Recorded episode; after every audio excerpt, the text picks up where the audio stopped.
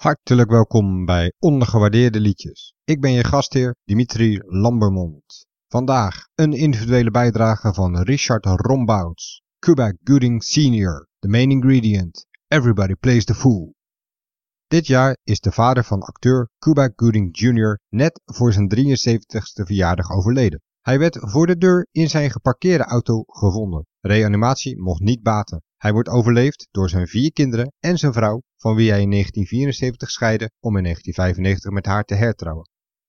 Hij was oorspronkelijk een sessiezanger die van tijd tot tijd inviel bij de Main Ingredient, maar werd de eerste stem na het overlijden aan leukemie van Donald McPherson in 1971. De groep was in 1964 als trio opgericht, maar was matig succesvol tot in 1972 Everybody Plays the Fool uitkwam.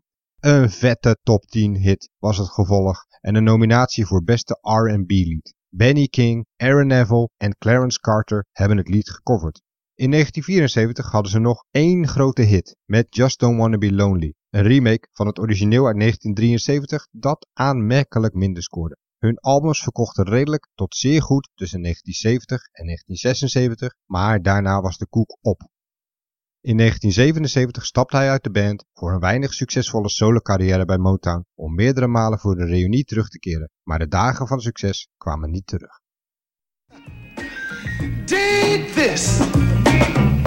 Everybody plays a fool sometime. There's no exception to the rule. Listen, baby, it may be factual.